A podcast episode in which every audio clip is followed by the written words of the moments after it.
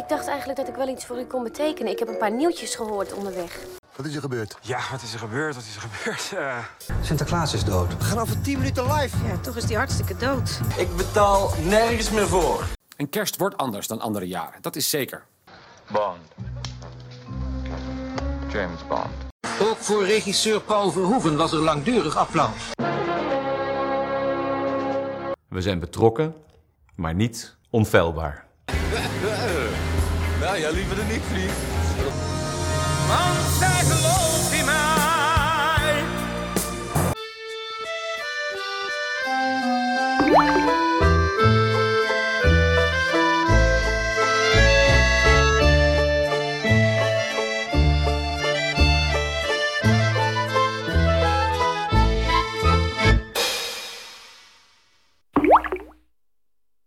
Welkom bij de tweede editie van de Ketelhuis podcast.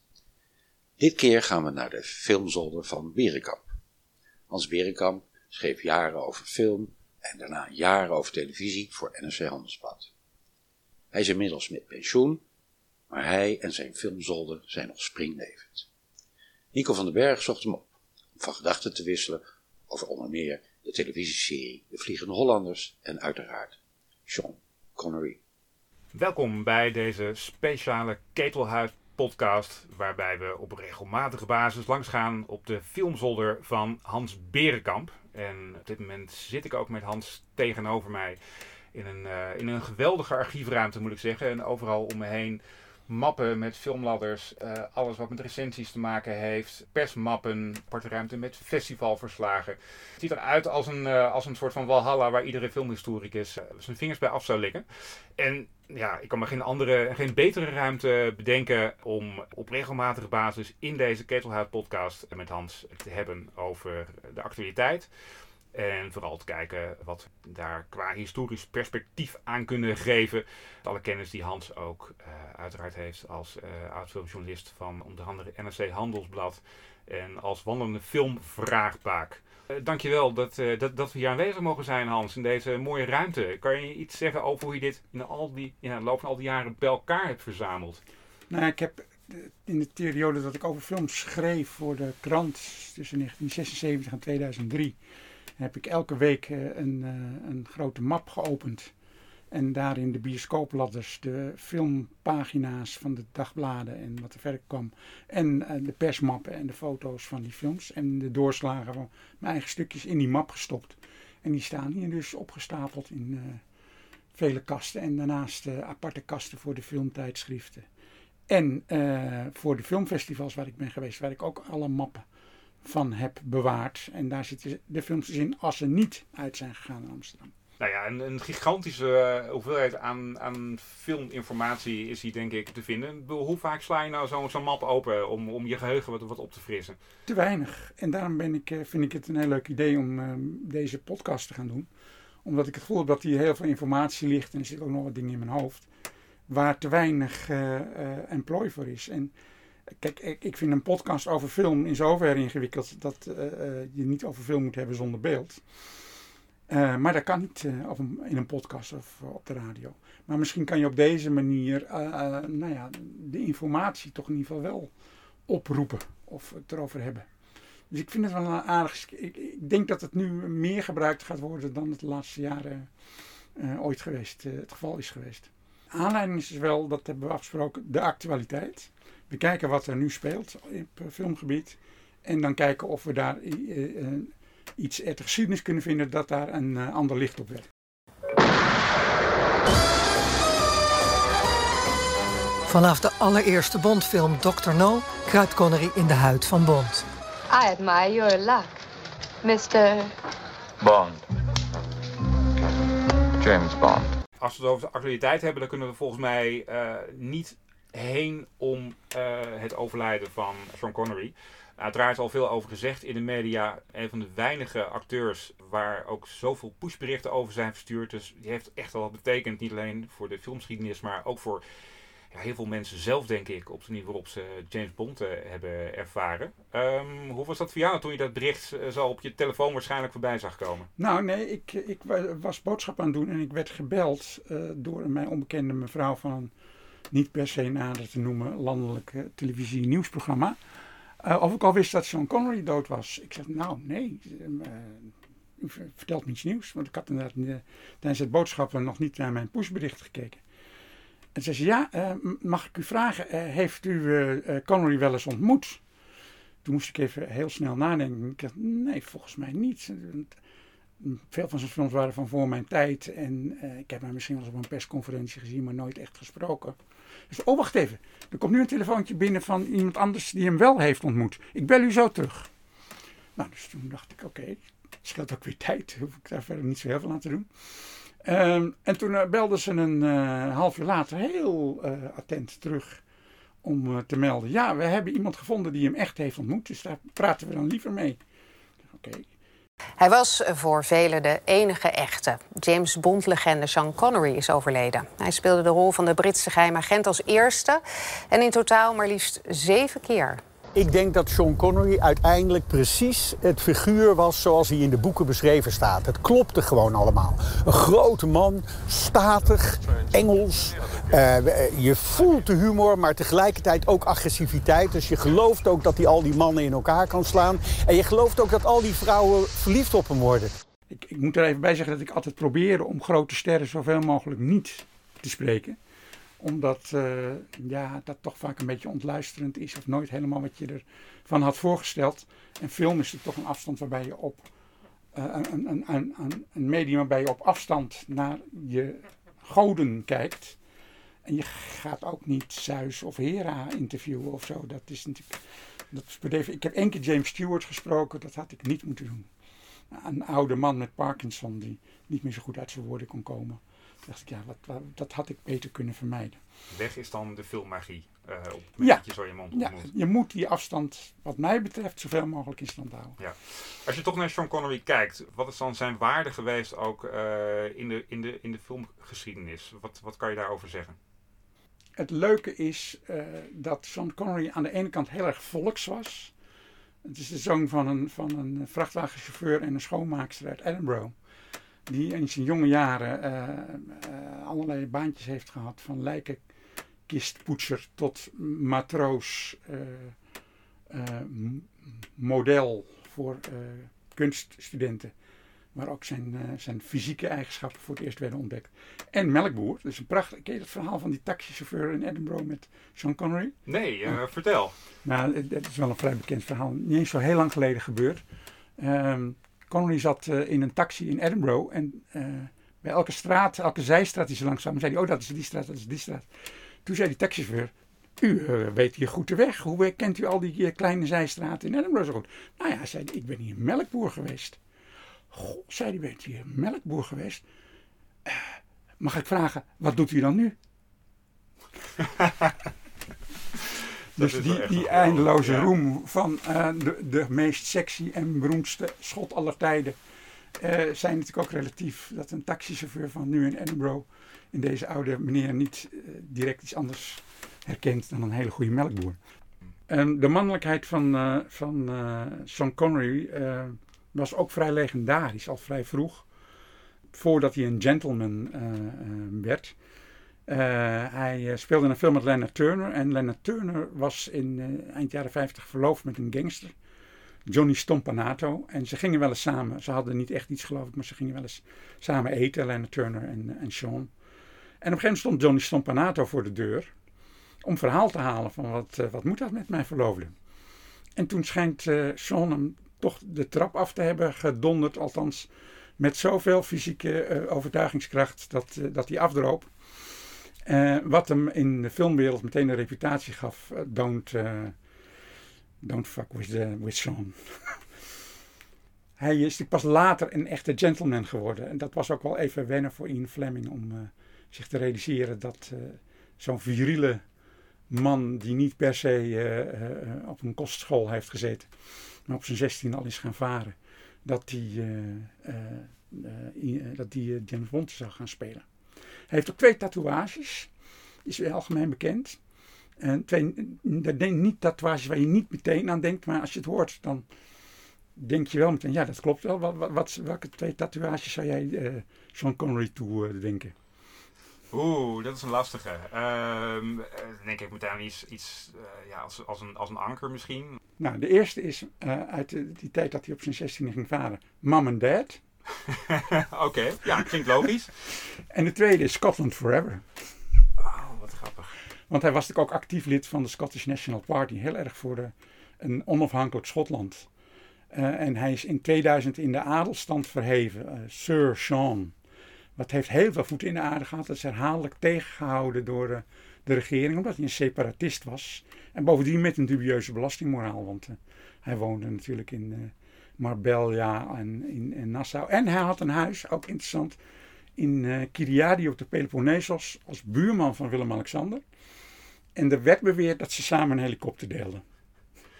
Maar eigenlijk net zo'n eh, net zo'n schavuit of schijnsmarcheerder als, als de echte bond eigenlijk. Misschien nog wel erger. Ja, ja. Dus verre Ja. van een gentleman eigenlijk. Een, een gentleman schavuit, hè, dat is de, de, de rogue gentleman. Dat is een traditioneel type, ook in, eh in eh genrefictie. Ja. Kan je, kan je zeggen dat, dat Sean Connery toch eigenlijk... Ik bedoel, hij heeft de grootste bekendheid aan Bond te denken. Maar is dat ook het hoogtepunt van zijn filmcarrière? Of zijn er dingen die we misschien met alle nadruk op Bond eh, nu over het hoofd zien? Nou, hij heeft natuurlijk een veel langere carrière gehad. Daarvoor niet zo erg bijzonder. Maar daarna heeft hij eindeloos veel soorten rollen ook gespeeld. Een van mijn lievelingsfilms eh, van Sean Connery is Robin and Marion uit eh, 1976. Waarin hij eh, Robin Hood speelt. Maar dan is het een romantische komedie. Met Maid Marion, gespeeld door Audrey Hepburn. En die combinatie van Sean Connery met Audrey Hepburn als liefdeskoppel in de middeleeuwen, dat vind ik echt eh, betoverend. Is het hem gelukt om, om van die typecasting af te komen waar hij zelf altijd zo, zo bang voor was? Wat ik ook wel in interviews eh, lees. Dus typecasting van Bond. Nou, de laatste 20, 30 jaar van zijn carrière heeft hij eigenlijk vooral ehm, mentoren gespeeld. Indiana Jones in The Last Crusade is natuurlijk het, het schoolvoorbeeld hè, van als de, de vader van Harrison Ford. Maar hij was ook de vader van Dustin Hoffman in Family Business. Vaak een patriarch of iemand die eh, een soort mythische status heeft en al zijn kennis en, en vaardigheden probeert over te dragen op een volgende generatie. En dat is eigenlijk zijn standaardrol in de tweede helft van zijn carrière. Ja. Als je nou toch kijkt naar de rol die hij ook eh, bij Bond heeft gespeeld, dan is dat voor heel veel mensen is dat echt een soort van oerbond. De, de Bond die denk ik ook heel veel mensen nog steeds koppelen aan, aan, aan, ja, aan wat James Bond zou moeten zijn. Wat is zijn rol geweest in het, in het neerzetten van het beeld van Bond, wat we nu nog steeds hebben en wat acteurs na hem ook hebben neergezet? Nou, het is, het is, eh, wat hem uniek maakt, is de combinatie van, ik zou zeggen, gewelddadigheid. Eh, iemand die eh, weet hoe je een, een gevecht aan moet gaan. Met charme, en aantrekkelijkheid voor dames. En dat alles in smoking. Maar tegelijkertijd ook eh, eh, soms in een, eh, in een duikerspak. Hij kan die dingen combineren. Terwijl als je bijvoorbeeld Roger Moore ziet, die ook niet echt upper class was van, van achtergrond. Was toch veel meer een, een jongen die je aan, de, aan, de, aan, de, aan de, de hogere klasse doet denken. Terwijl bij Sean Connery was het echt ja, die ambivalentie die erin zat. Van een Schotse volksjongen die een smoking heeft aangetrokken. En, en ook een soort elegantie, natuurlijke elegantie met zich meebrengt. En dat hebben eigenlijk geen van de andere bonds. Ze komen allemaal wel in de buurt. Maar het, het, het prototype is neergezet door, eh, door Connery. Er zijn de, laatste, de laatste jaren ook discussies over waar Bond heen moet gaan. En dat, dat elke acteur, en zeker Sean Connery, natuurlijk ook heel erg verbonden is met, eh, met de tijd hè, waarin die film zich afspeelde. Dat de Bond eh, van Sean Connery eigenlijk nu misschien niet meer zou kunnen in deze tijdgeest. Eh, hoe zie jij de toekomst voor die hele Bond-franchise? Ik denk dat als het niet heel snel een zwarte of een vrouw wordt, dat dat dan echt afgelopen is. En hoe, hoe hoog schat, je, schat jij die kans in? Franchises Nou ja. over het algemeen zijn toch redelijk aan de conservatieve kant, eh, ook omdat het ook om heel veel geld gaat. Ik weet dat er sprake was van Idris Elba en dat, dat zou ik me ontzettend goed kunnen voorstellen. En hoe hoog is die, schat je die kans in dat dat, Nou. dat, dat bij een volgende Bond eh, gebeurt? Kijk, het is natuurlijk een, een, een, een oudbakken formule. Het is eh, eh, vrouwen die het leuk vinden om een man te hebben die ook kan mappen. Dat is toch eigenlijk in feite de, de, de magie van Bond. Van charmant, maar ook spijkerhard. Het is eh Eddie maar dan op een vele, ma- hoge, malen hoger niveau. En ik vraag me af of daar nou nog zo heel veel toekomst voor is voor dit soort heldendom. Misschien moeten we gewoon uh, de Bond-cyclus afsluiten en met een heel iets anders beginnen. Zwarte of... vrouw, zou ik zeggen. Nog één keer met een zwarte vrouw en dan uh, snoes. En dan definitief het filmarchief in. Ja, goed plan. I admire your courage, Miss... Uh... Trench. Sylvia Trench. I admire your luck, Mr... Bond. James Bond. Uiteraard nemen we altijd de actualiteit. Hans zei het al eerder als, uh, als uitgangspunt. En uh, daarna gaan we kijken welke aanknopingspunten uh, Hans kan geven in de filmhistorie. Wat niet staat uiteraard op zichzelf. Klinkt een cliché, maar daarom ben ik heel benieuwd, Hans, wat jij recent hebt gezien, waar je het over wil hebben vandaag. Nou, wat grote indruk op mij heeft gemaakt is de al vooruit gebingede zesdelige NPO-serie Vliegende Hollanders die om een aantal redenen buitengewoon interessant is. Uh, het, het, gaat over. Uh, uh, het is een serie van Joram Luursen als regisseur, geproduceerd door Topkapi Film. die echt grootse plannen hebben met televisie. Ze hebben ook net een zesdelige documentaire serie over cannabis gemaakt, die ook interessant is. Dit is een, een, een serie die een miljoen euro per aflevering heeft gekost. Wow. Acht afleveringen. Uh, dat zie je er ook aan af. Het gaat over de geschiedenis van de KLM. Hoe actueel kan je zijn? En wel de begindagen in 1919, waarin twee mannen tegenover elkaar staan. Luchtvaartpionier Anthony Fokker en uh, KLM-oprichter Albert Plesman. Volgens mij kan niemand meer ontkennen dat Nederland klaar is voor een nationaal luchtvaartbedrijf. I want to show that planes are not just for war. Het er maar één te zijn die het als eerste durft. Wil jij mijn F2 of niet? Het is een spel, Plesman. Wat ik wil, is wat jij ook wilt. Mensen verbinden. Nu gaan we het vliegen groot maken. Hoe gaat het heten? De Koninklijke Luchtvaartmaatschappij. Wilt gaan vliegen op Indië. Is dat mogelijk? Als het aan mij ligt wel. Je hebt de ogen van de wereld op ons gericht. Als er ook maar iets misgaat hier, verhaal ik al de schade op jou. Pas je wel op? Vliegen. Dat is wat wij de mensen beloofden. We dachten vroeger dat we de wereld gingen veranderen. De wereld is veranderd.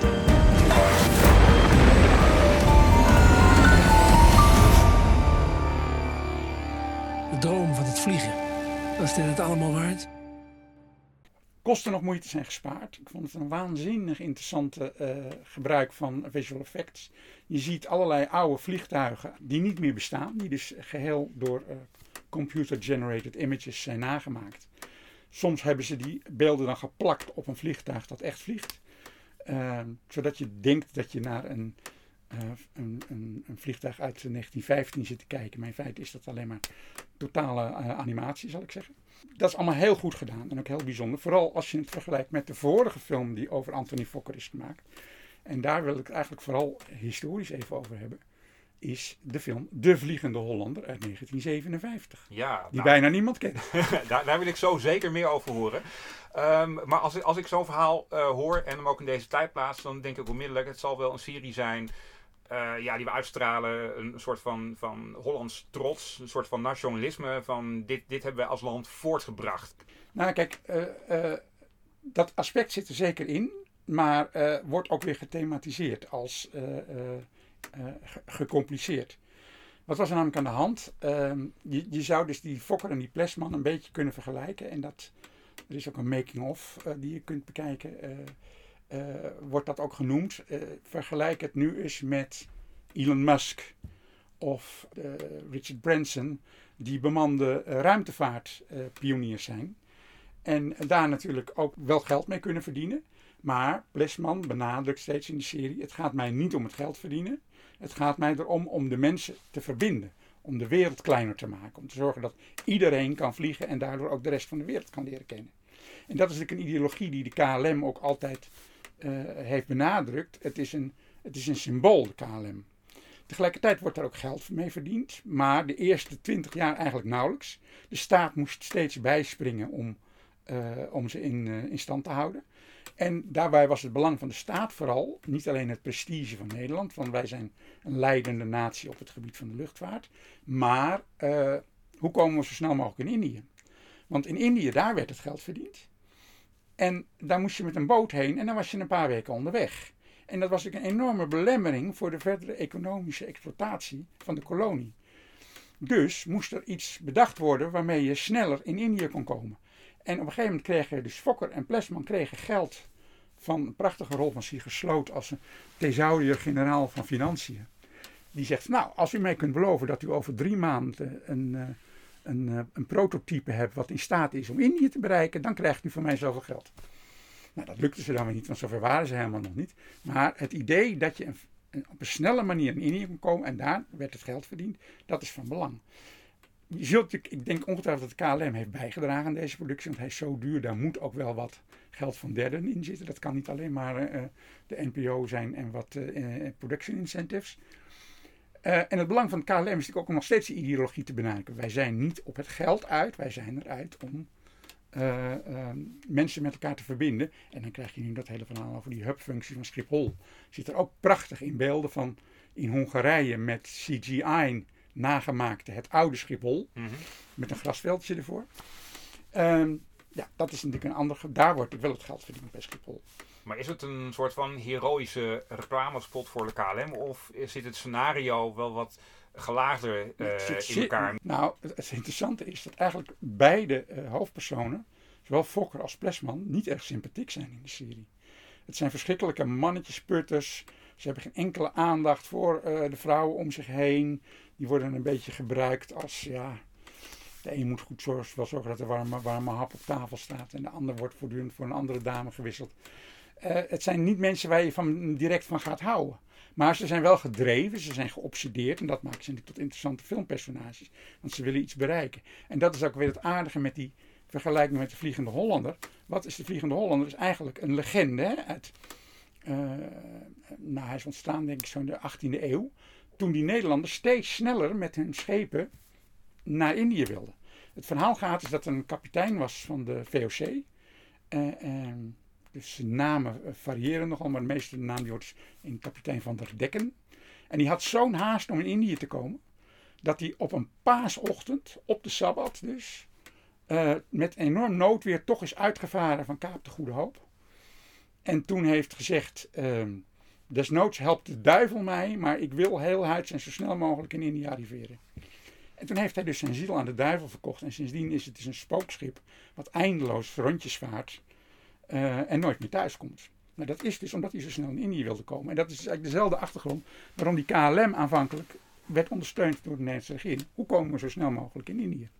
En, en je had het ook net over uh, een, een film, een curieuze film ja. uit, uit uh, 59 volgens 57. mij. Uit 57. Um, wat is de link tussen deze groots uitgepakte NPO-serie en die curieuze film waarvan ik ook nog nooit had gehoord? Nou, ik, ik, ik, ik, heb hem ook nooit gezien, moet ik zeggen, maar daar is een reden voor. Ik, ga, ik pak er even nu een van de naslagwerken bij. Mm -hmm. um, daar haal ik de meeste informatie dan uit. Ken jij dit boek Hollands Hollywood? Van ja, ja die, uh, die ken ik zeker. Um, Hans trekt nu inderdaad het boek Hollands Hollywood uh, uit, uit de kast. volgens mij wel echt een, een, een soort van ja, Bijbel klinkt wel heel erg, uh, nou, heel erg overdreven. Het bijzondere van dit boek is dat is uitgekomen in 1995. Dat was een tijdstip, een, een periode dat uh, uh, gevestigde serieuze critici geen boek over de Nederlandse film gingen schrijven. Want dat was nou echt iets waar je je niet mee bezig hield. Maar Henk van Gelder, die sinds jaren en dag voor NRC schrijft over cabaret, lichte muziek, entertainment die vond het wel interessant. En die dacht, laat ik nou eens alle Nederlandse films die tot 1995 lange lange geluidsfilms die in de bioscoop zijn verwend, zowel documentaires als speelfilms. Laat ik die nou eens één voor één gaan beschrijven. Kijken wat er over geschreven is. En een soort, nou, dat is natuurlijk een unieke naslagwerk, omdat je met name over die wat oudere films, die ook niet altijd meer makkelijk opduiken, dan ook wel weten hoe wat was de receptiegeschiedenis, hoe werd er over geschreven. Nou, dan pak ik altijd Henk uit de kast. En wat staat er over deze film uh, nou, in dit boek? Dat is heel interessant. Dat was dus uh, de eerste film uit de Nederlandse geschiedenis die geld heeft gekregen van het productiefonds voor de Nederlandse film. Dan zul je zeggen, wat is het productiefonds voor de Nederlandse film? Ja, dat, dat, is de voorloper van het filmfonds. Er werd een, uh, na de Tweede Wereldoorlog werd er ontzettend goed verdiend in de Nederlandse bioscopen. Uh, zoals je misschien weet is uh, 1946 nog altijd het recordjaar in de Nederlandse bioscoop. Mm -hmm. zijn er geloof ik, is het gemiddelde bioscoopbezoek per hoofd van de bevolking was 10 of zoiets, of daaromtrent. 8 of 9, ik weet niet. Maar nu komen we met moeite aan 2 of 3. En dat was natuurlijk omdat mensen heel lang geen Amerikaanse en Engelse films hadden kunnen zien. Nou, ook de jaren daarna werd er heel veel geld verdiend. Het geld klotste echt tegen de plinten van de bioscopen aan. Maar de Nederlandse filmproductie, die was er eigenlijk niet. Er werd eens per jaar, soms wel eens een jaar geen film gemaakt, wel eens een jaar twee. Maar het was eigenlijk helemaal niks wat eruit kwam. En dat had te maken met het feit dat de vooroorlogse Nederlandse filmproductie, vooral door Joden, uh, Duitse vluchtelingen, Duitse Joodse vluchtelingen, uh, leven was ingeblazen. En die waren dus voor 80, 90 procent na de oorlog uh, niet teruggekomen. En er was dus eigenlijk helemaal niets in Nederland wat een continue speelfilmproductie zou, uh, zou kunnen bevorderen. Er zat er een man op het ministerie van toen nog Onderwijs, Kunst en Wetenschap, een meneer Van der Leeuw. En die zei, ja, laten die bioscoopboeren die nu zo goed verdienen nou eens wat geld in een potje stoppen om uh, Nederlandse films te maken. En wat wij dan doen als ministerie, het geld wat zij erin stoppen, dat verdubbelen wij. En dan stellen we een bestuur aan wat zowel het bioscoopbedrijf inzit als een aantal door ons aan te wijzen, nou, ik zou maar zeggen cultuurpauze, zo heette het niet, maar mensen met uh, gevoel voor kunst en, en wat, wat, wat mooie films zijn. En dan gaan we die laten besluiten wat er gemaakt wordt. En de, een van de eerste voorzitters van het productiefonds was J.L. Peters, de filmkundige, later de directeur van de Filmacademie. Koolhaas is voorzitter geweest. Jan Blokker is voorzitter geweest en is het op een gegeven moment overgegaan in het Filmfonds. Maar dat werd dus ge gevuld uit gelijke potjes van bioscoopbedrijf en overheid. En de eerste film die door dat productiefonds gefinancierd was, was De Vliegende Hollander over Anthony Fokker. Speelt zich af in een iets andere periode dan uh, de serie Vliegende Hollanders. Het gaat namelijk over 1911. Toen had Anthony Fokker had een soort vliegende brommer gemaakt. Uh, de spin. Je zat buiten op een, onder een propeller. En daar heeft hij een rondje mee in Haarlem gevlogen rond de Grote Kerk. En dat was natuurlijk heel spectaculair, want dat was de eerste Nederlander, die, na die spookkapitein, die ook echt kon vliegen.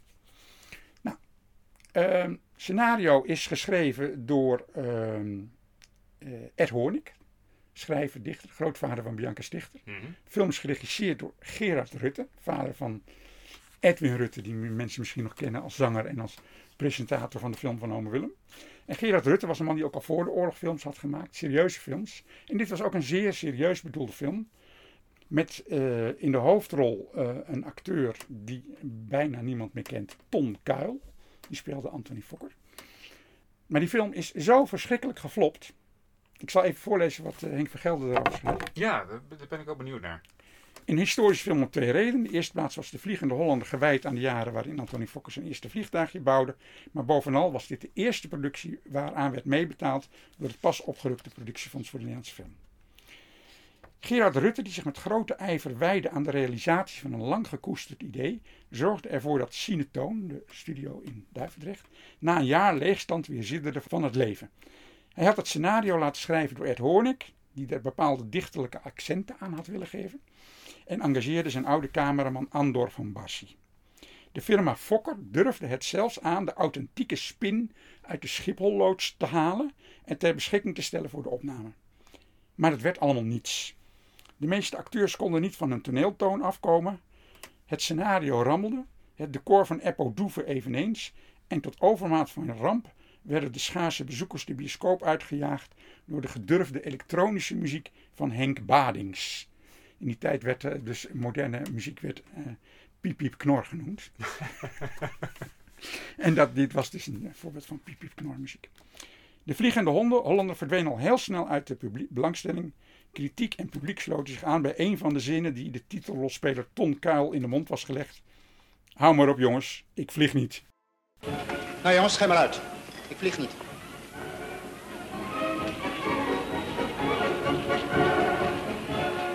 Het veld voldoet niet aan de eisen.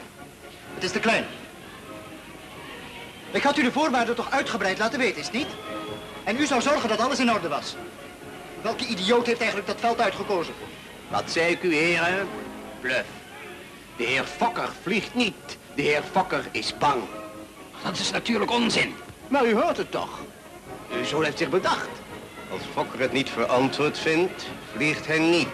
verantwoord. Dat woord moet u nodig gebruiken. Wie is hier eigenlijk verantwoordelijk? U hebt uw zin doorgedreven tegen mijn advies in. Er zijn duizenden toegangskaarten verkocht. Ja, ik herhaal nog eens. Laat u ze dan buiten maar vertellen. Betaalt u misschien de entreegelden terug? Het, het rare is dus wat niet hier staat, maar wat ik op uh, andere bronnen heb gevonden, want er zijn nog wel wat meer bronnen, bijvoorbeeld uh, René van Dam. Ja. Ook zo'n uh, zo'n raar naam. Oké, Hans pakt nu een, een flinke map erbij met... Een overzicht van de Nederlandse speelfilm Turks Fruit of Intensive Care, eigen beheer uitgegeven. Gewoon, ja, niet, niet eens gestenceld, maar gefotocopieerd. En dan, dat is heel strikt chronologisch. Oké, dus je, je, je, zoekt nu even de film erbij waar we het nu over hebben. Ja, dan zie ik ook de Vliegende Hollanders. Uh, even kijken. Zwart-wit, 93 minuten, 26, 86 meter. Première 5 juli 1957. Gedeeltelijk Duits gesproken, want Fokker, dat weten ook veel mensen niet meer, maar dat zit uitgebreid ook wel in de nieuwe serie. Fokker is de man die de uh, vliegtuigjes van uh, de Red Baron, Baron van Richthofen heeft ontworpen. Hij had voor de Duitse uh, luchtmacht in de Eerste Wereldoorlog had hij, uh, een, een, manier ontdekt dat je een vliegtuigje ook een machinegeweer op kon monteren. Dat je daarmee dus de vijand kon belagen. En ze waren daar ontzettend dankbaar voor. En in de openingsaflevering van de Vliegende Holland zit ook een scène dat de luchtwacht, lucht, Duitse luchtmacht officier Herman Geuring uh, nog een keer uh, uh, Fokker opzoekt om hem te bedanken. En zegt, ja, we gaan stiekem in de Sovjet-Unie, maar mee met een pact hebben, gaan we toch nog wat door. We mogen geen luchtmacht meer hebben, maar kun je ons nog aan wat vliegtuigen helpen. Maar goed, er wordt dus ook gedeeltelijk Duits gesproken, ook al in die eerste film. kost de film 350.000 gulden. Dus dat is ongeveer, dat is dus 150.000 euro. Dus dat is ongeveer, nou, 15% van één aflevering van de serie. Was dat voor toen wel een behoorlijk bedrag? Dat was voor toen best een redelijk bedrag, ja. Dat was een gemiddeld bedrag wel wat een film kostte. Maar er waren nog niet veel speelfilms gemaakt, dus dat klopte wel ongeveer. Opbrengst 6000 gulden. Grote wow. flop in de bioscoop. En nu komt het interessante verhaal. Omdat Fokker heel erg was verbonden aan de stad Haarlem. En daar ook die spin had gevlogen. En daar altijd gewoond had. De, de, film kreeg na zijn lokale wereldpremière in Haarlem, Fokkers woonplaats, zulke vernietigende kritieken dat de distributeur zelfs afzag van een landelijke uitbrenging. Dus die film is eigenlijk nooit vertoond buiten Haarlem. Wauw. Dat, uh, dat gaat dan wel heel ver. Ik kan me voorstellen dat die, die bioscoopboeren die hier geld in hebben gestoken, dat, dat vond, dat die zich ook wel bekocht uh, voelden. En dat die misschien dachten, nou, uh, nou, dit is geen succes meer, hier stoppen we gewoon mee. Sterker nog, dat dachten de critici ook. Want niet lang daarna kwam een andere uh, film uit, Kleren maken de man. Een, remake van een Duitse uh, komedie Kleider machen Leute. Met in de hoofdrollen Rijk de Gooier en Kees Brussen. En ook weer geregisseerd door een Duitse regisseur. En toen was het een beetje genoeg. Toen kwam er een manifest uit van de gemeenschappelijke Nederlandse critici. Alle uh, toonaangevende dagblad en critici stonden daarbij. Ehm, en daarin werd gezegd van jongens, wij hebben een hele goede documentaire traditie. Daar zijn wij in Nederland heel goed in. Laten we ophouden met die speelfilm onzin, want dat kunnen we helemaal niet. Zijn we niet geschikt voor. Uh, laten we ermee stoppen.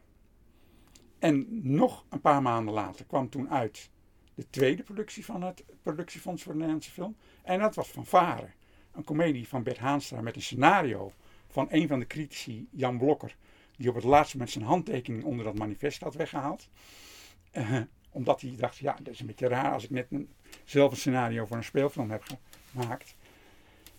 Dan moet ik niet zeggen dat we geen speelfilms moeten willen maken. En die film, geregisseerd door Bert Haanstra, Giet Hoorn, was een waanzinnig succes. Nog steeds een van de meest succesvolle Nederlandse films uit de geschiedenis. Nou, en toen was dat manifest ook totaal vergeten.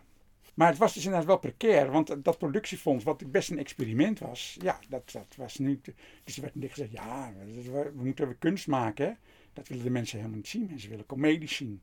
Maar zo'n zo'n uh, kunstzinnige film over een luchtvaartpionier met muziek van, uh, van Piep Piep Knor erbij, ja, dat is natuurlijk weggegooid geld. Was het ook misschien vanwege, naast het, het toneelmatige, ook gewoon de, de, het feit dat er ook Duitsland werd gesproken, waar mensen op dat moment gewoon nog totaal geen behoefte aan hadden. En vooral eh, films uit, uit de VS, eh, uit Hollywood wilden zien. Ja, nou kijk, mensen waren natuurlijk gewend om, om. Maar er werd heel veel naar Duitse films gekeken. Dat was het probleem. Duitse films waren waanzinnig populair. Ook, ook na de Tweede 50. Wereldoorlog? Zeker. Zeker. In het oosten van het land iets meer dan het westen van het land. Dat is natuurlijk wel zo dat, dat sommige Duitse films de Randstad niet haalden. Maar er waren toch heel veel Duitse films die wel eh, te zien waren. Eh, de, slagerfilms met Connie Frobeus en, eh, en, en eh, Rex Gildo, die waren waanzinnig populair, ook in het westen. Maar ook allerlei operette-achtige films, Heimatfilms. Nee, Duitsland was ook het meest populaire vakantieland in de jaren 50. Voor die weinige mensen die naar het buitenland gingen.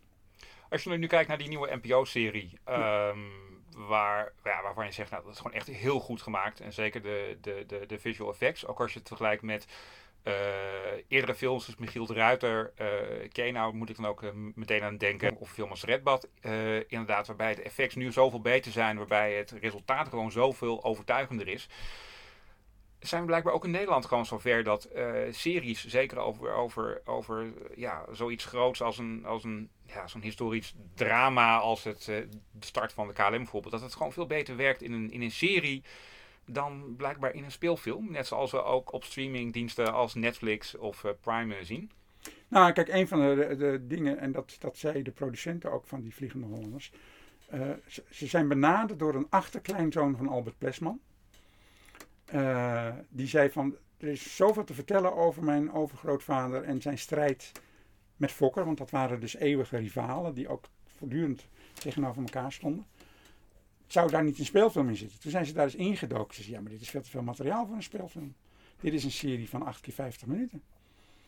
En dat is natuurlijk een van de voordelen van een serie. Dat als je een heel eh, gelaagd canvas hebt met allerlei nevenintriges en je wilt daar ook nog wat van de, van de geschiedenis in stoppen.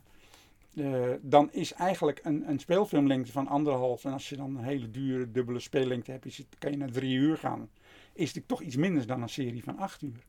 En, en dat zeggen ook de, de grote eh, buitenlandse regisseurs.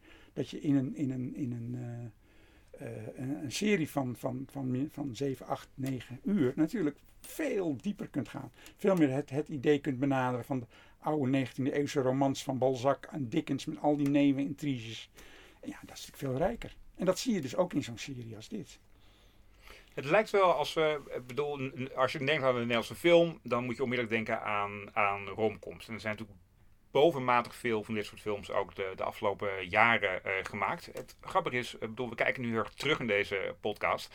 Maar als je vooruit kijkt, hè, dan krijgen we nog historische drama's als De Oost, eh, De Slag om de Schelde.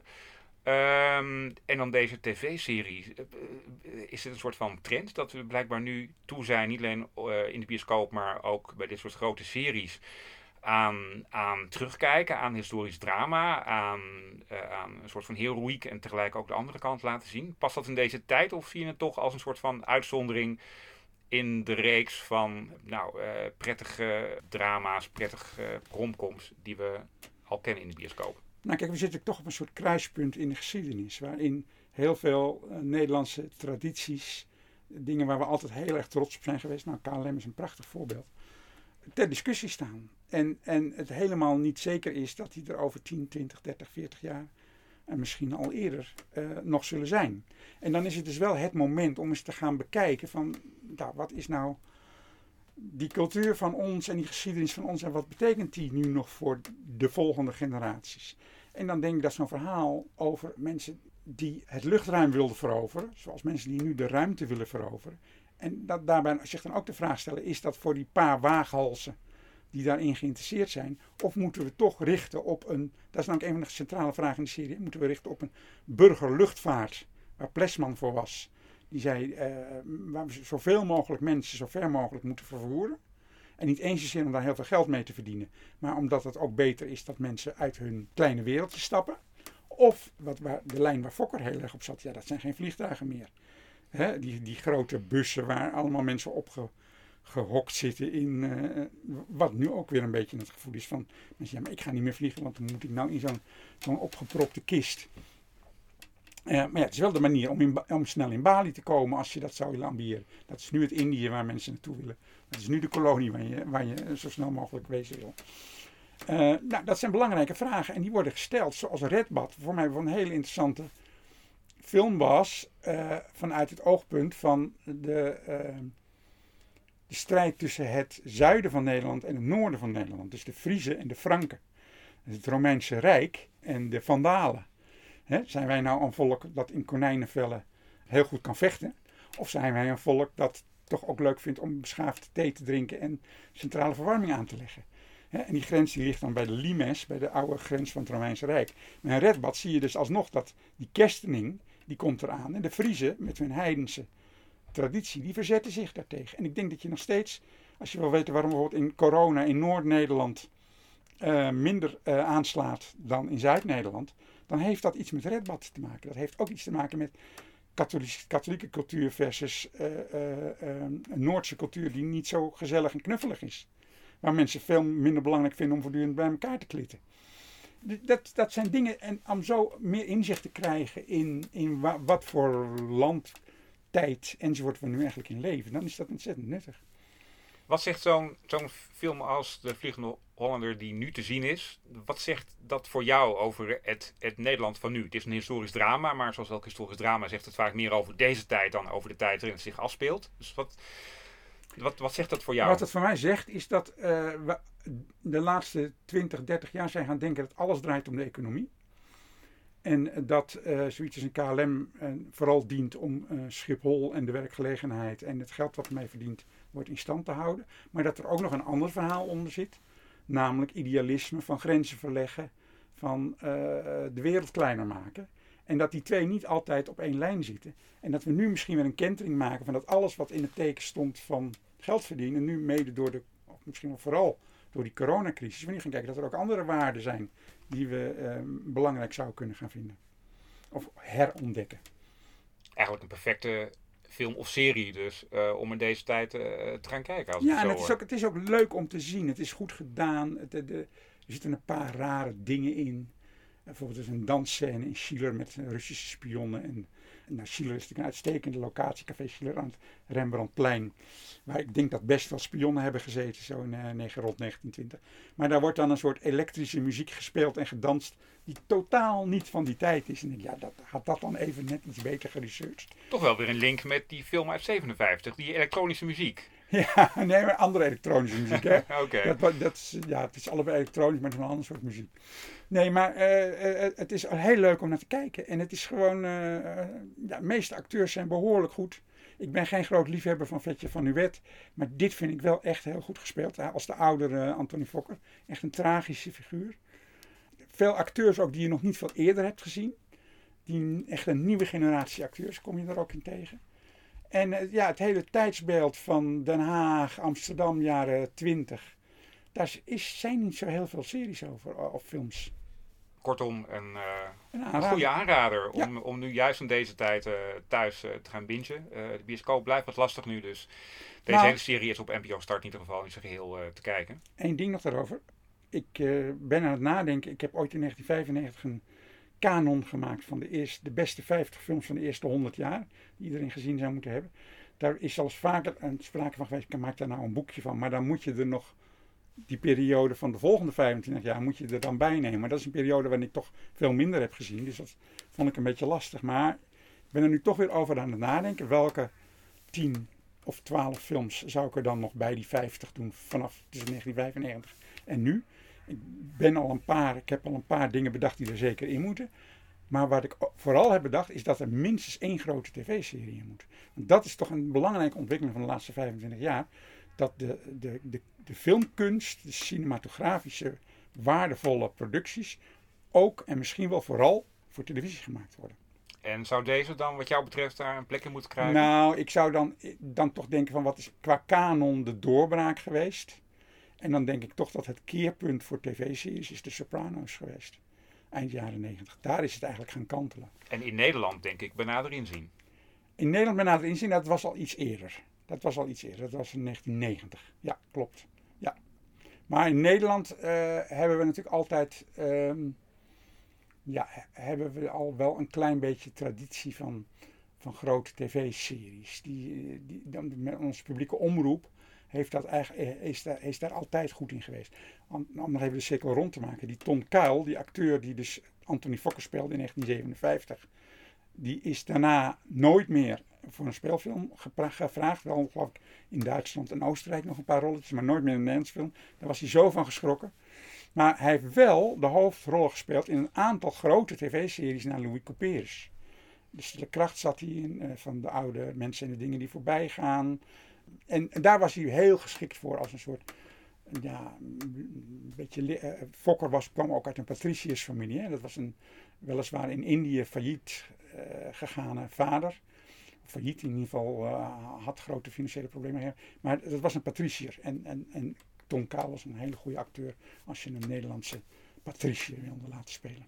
Ik heb ook het idee dat we in de komende podcast uh, wel vaker misschien nog gaan verwijzen naar series die in Nederland uh, zijn gemaakt. En ja, wat mij betreft is het echt heerlijk om ineens zo'n film uit de curiositeit naar boven te trekken. Nou, dankjewel Hans uh, voor vandaag. En volgende keer is er zeker weer een andere film of serie die een mooie aanleiding is om in de film, filmgeschiedenis te duiken. Dankjewel.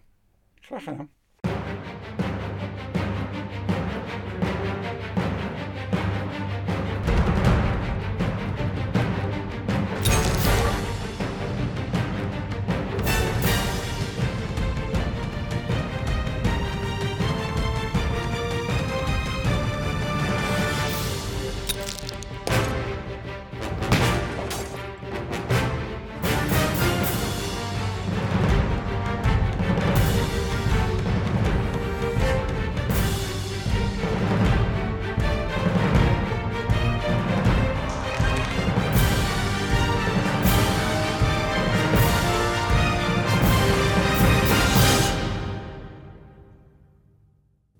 Tot zover deze Ketelhuis podcast.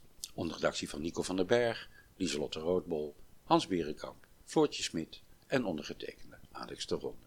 De muziek werd ruim 20 jaar geleden gecomponeerd door Sylvia Holstein.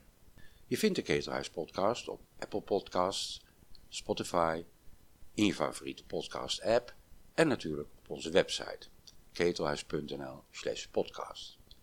Abonneer je vooral om geen enkele aflevering te missen. Geef ons ook lekker veel sterren in iTunes of in de Apple Podcast app, zodat we nog beter vindbaar zijn. En als je daar toch bent, laat dan meteen een recensie achter. We horen graag wat jullie ervan vinden. Hou ons in de gaten. We zijn weer snel terug met een nieuwe podcast.